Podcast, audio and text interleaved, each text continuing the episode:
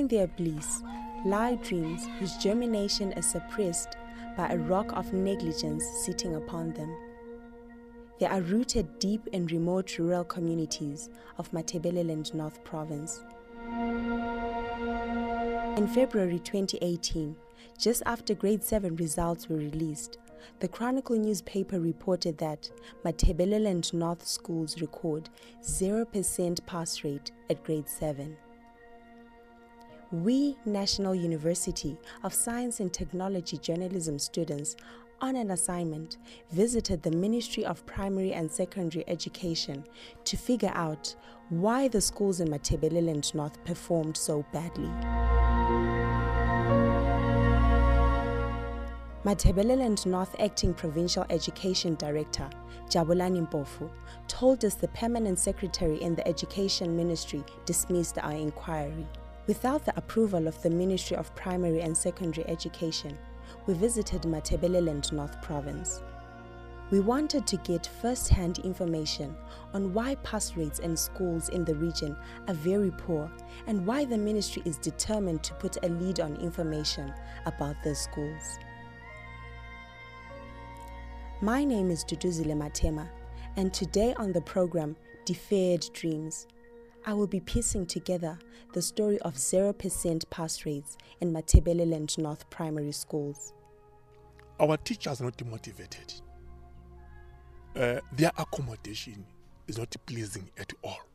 We spoke to one of the headmasters in Lupane who requested anonymity to avoid victimization by ministry officials they are crowded.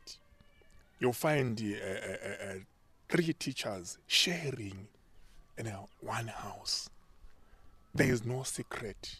There is bedroom, kitchen, and uh, whatever sitting room. So our teachers are not motivated. Hence, they want to live all the time.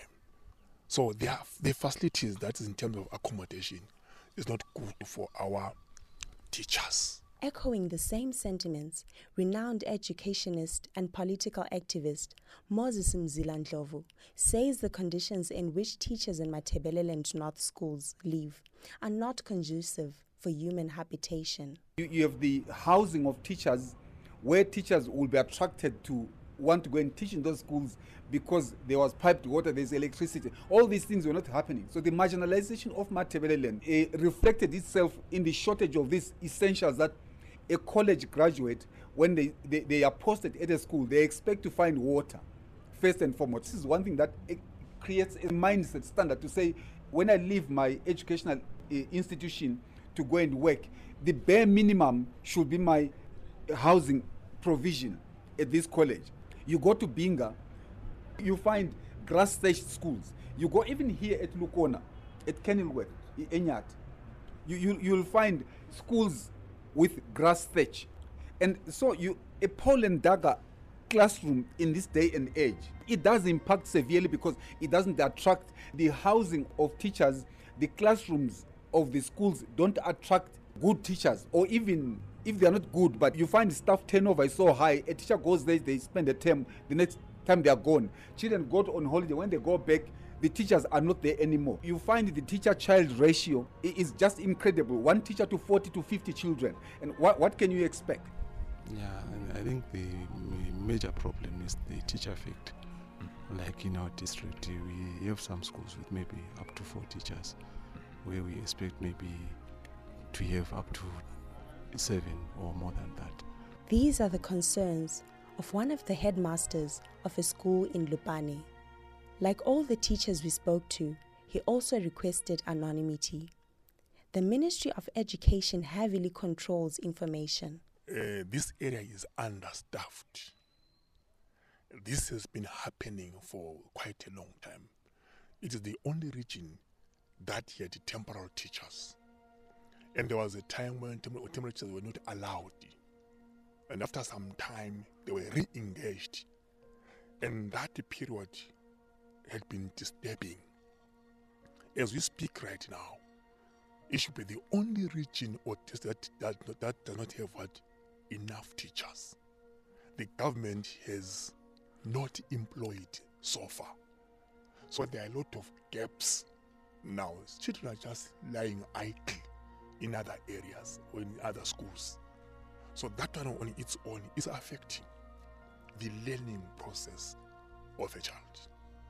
We cannot expect wonders from such a scenario. In some cases, only four teachers run the entire school, from kindergarten to grade 7.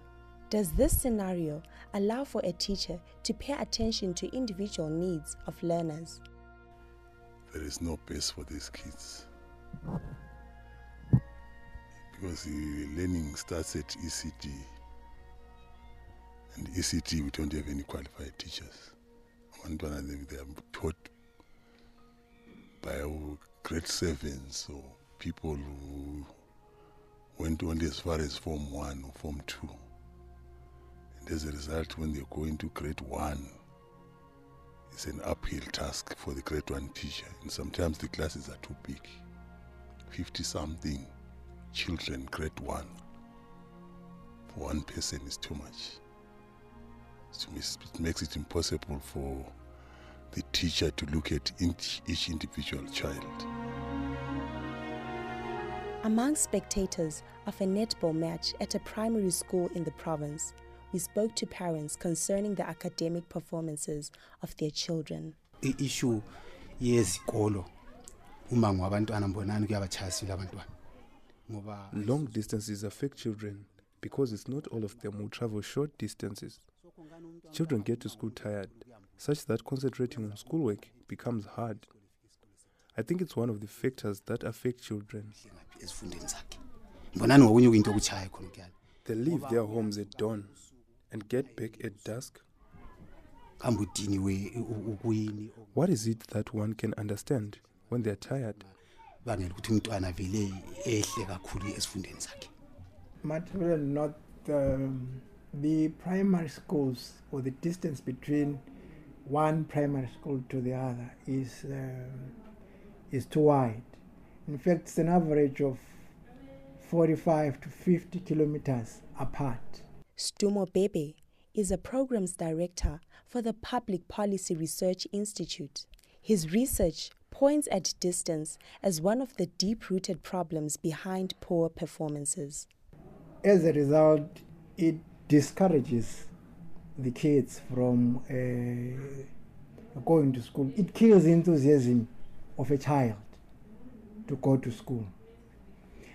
There, no, there is no transport. The kids will be going to school using amapads and mostly in Mat North, Ilama, you know, part of Mat North, probably 45% of Mat North's land, i- it is the national parks. It's under a national park. So they are dangerous animals. And a lot of kids usually uh, fall prey to these, to these animals as they go to school and, and as they come from school. Sebebuyela ekhaya. And again, during rainy season, they can't they can't cross the rivers because there are no bridges. So it means ukuthi, uh, if the river is full for a week, kids won't be going to school for the whole week, and they lose. In terms of uh, and e-education, they lose in terms of uh, covering the syllabus. But do these children understand the value of waking up every morning and travel long distances to school? Psychologists believe that children learn through observation, imitation, and modeling. Who do these children look up to as role models? Moses Mzila Ndlovu laments the absence of people within the education sector from their own communities. the socioeconomic standard of living of their parents in the villages to say that do you expect somebody who has no income whatsoever to really be a role model to their children if the standard of living of people has since dropped to beyond the levels of that standard created by ian smith surely parents themselves have lost the role model status in the eyes of their children. And so the children in the community are saying, who do you see as a role model to in fact encourage you to do well in school? There's hardly anybody there.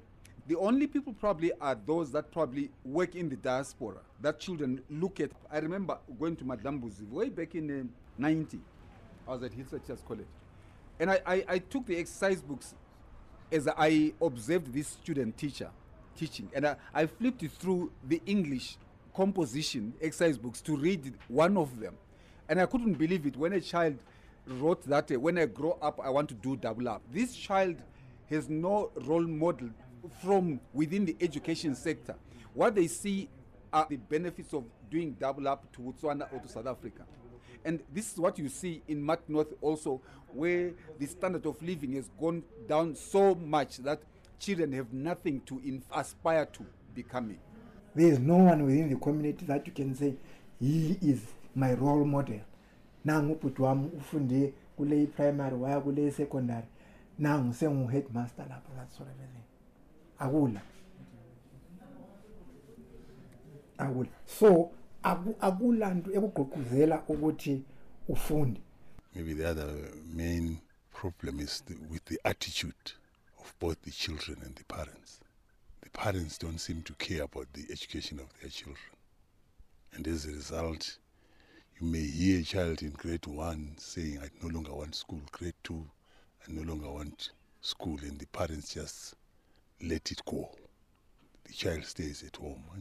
We spoke to another parent who emphasized on the need for deployment of qualified locals to Matabeleland North schools. khathini sabe sikhangelelisa ukuthi abantwana bethu nxa bethe baphumelela We look forward to seeing educated children from our own areas coming to teach within their communities. utitshala ovelela kusonisa isigaba Having a teacher from our community who is known by learners becomes a source of motivation to them. As a result, they feel challenged to work harder in school. la bese siba lesifiso ukuthi khona athini abe njengaye For instance, mina, I, I come from from Midlands, Lower Gweru area. I was taught by my own sister at grade one. My own sister. So I would see my sister as a role model to me. I want to be a teacher like my sister. people whose mother tongue is Sindebele or Sutu or Venda have been able to assimilate more easily in South Africa than, for example, Shona speaking teachers, because those languages are spoken in South Africa. David Coltart is a human rights lawyer and a former minister of primary and secondary education.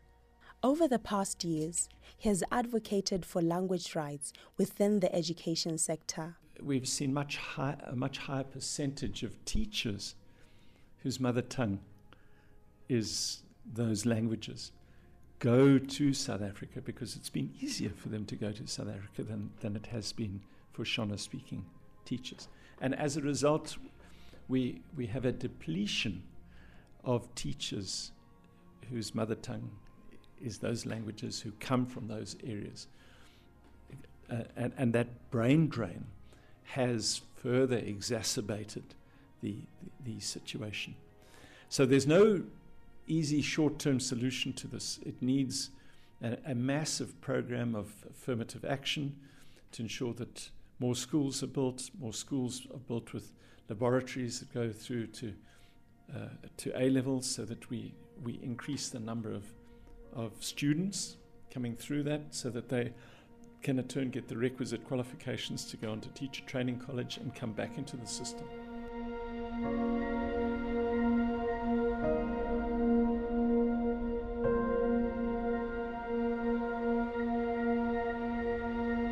This is a parent given an account of language barrier, a factor that affects the performance of learners. indaba yonakala ekondleni umntwana esuka ngaphi problem ah. starts at early childhood development. If children at a tender age are taught by teachers that speak Shona, how will they communicate effectively? One day, my child came home uttering obscenities from a Shona speaking teacher who couldn't speak Ndebele. The teacher was shocked to learn from me that what she had assigned children to bring was obscene. Yena wahle kwathi yesibili yesibili sithe sibabuye lalo ngale sithi uyakwazi ukuthi kuyini gogo miss? Wathi ah ngathi eh. Wathi ha. The people who are coming from Matnorth don't speak the languages, mostly don't speak the languages that are spoken in Matnorth. That is a serious deterrent uh, or a serious predicament that we can talk about. Uh, and as a result, uh, students don't understand, or the people or the teachers who are teaching, they don't understand the background of the kids in those areas. Even though they are not equipped with adequate facilities to enhance their performance, some children in the region still have great visions and dreams. But odds are against them. Sifuna ukuthi maybe besincede ngokubuilda ilab esikolo sethu of which sesikhangeleka njengesikolo esiyeyisekileyo. But it is not our wish but because of the situation esesikolo that's why singayenza ama-sciences. So we need help for such developments. A headmaster, commenting on condition of anonymity, says Even in secondary schools, lack of infrastructure has resulted in children not taking subjects of their choices. In recent years, the government introduced the STEM initiative, which funds children to take science subjects. Right, the initiative is there, but the, our schools here don't have those facilities so that our students can take that sub subjects. For example, there are no science subjects that are being taken in secondary schools because there are no laboratories. So as a result, the majority of our upper sixes they are taking arts, commercials, no sciences. So that STEM now, which was introduced, they are not benefiting. That's another challenge. ngingafisa ukuba ngingafisa ukuba ngudoktar mina ngibe ngisebenzele ezibhedlela uba ngumongikazi mina ngifuna ukuba ngutitsha hayi ngiyabona ukuthi ukufundisa kuqakathekile. I wish to be a doctor but i thought that i can move out esto- esikolo lesant but because of abazali bami ngabona ukuthi kumele ngibe kulesi sikolo. Then when time goes on i realize ukuthi what i wanted i cannot achieve it. She has dreams, but she doesn't have hope that they will come true. A report published in 2016 by the Ministry of Health and Child Welfare shows that Matabeleland North continues to record high rates of teenage pregnancies. ngoba lokudlangulwa ngabantu abadala ngoba sehleze ekhaya uyakuthola bese ethole ngani ngumuntu osekhulile kanti ngumntwana esebehamba hambe siyalelale kanti isayizi zakhe zabe zesikolo isayizi yakhe yabe ngamabala David Coltart gives an account of the common fate of the girl child upon dropping out of school. Throughout the world, it is shown that where the girl child does not receive an education, she does not have hope and she's more likely to, to fall pregnant. And the, the tragedy for the future of any nation is that when the girl child doesn't get an education, not only does she not that is she more likely to fall pregnant, but her children are less likely to get a, a, a decent education. And so it is a vicious cycle.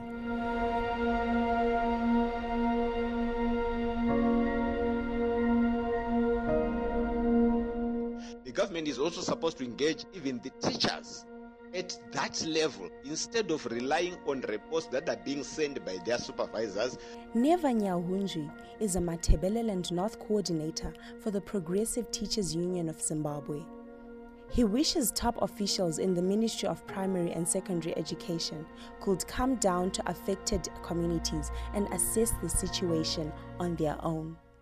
I think it is high time that we need to have the government itself going down to those areas where we have got schools that are producing low percentage pass rates and then they engage the teachers themselves to try and find out what are the problems so that they can come up with the solutions. But it's unfortunate that what normally happens is that um, the government normally relies on reports that they are getting from the district schools inspectors and the schools inspectors, the provincial education directors, and these people normally at the end of the day they are trying to save their backs and, uh, and, and their faces. So what they then end up doing at the end of the day is not what is actually on the ground. We need to have the government at times trying to have people coming all the way from the head office in Harare to go down and then see exactly what is it that is the problem in these schools and how they can try how they can try to assist these schools to make sure that there is improvement in terms of uh, the pass rate. Stumo Pepe says his organization has been lobbying for government efforts to mitigate the challenge of poor performances in Matabeleland North schools. Therefore, as a Public Policy Research Institute, we are actually advocating for let's have AMA vocational training centers. For instance, right now, we have I- Ilupani State University, but it's not in, in Lupane, and it's not benefiting Imat North. Because we should be having a quota system where people from Mat North are actually certain a certain criteria of getting into that university so that we have a lot of people from Mat North getting in there. Let's devolve power. Here is people from Mat North running in, that Lupane State University. It's theirs.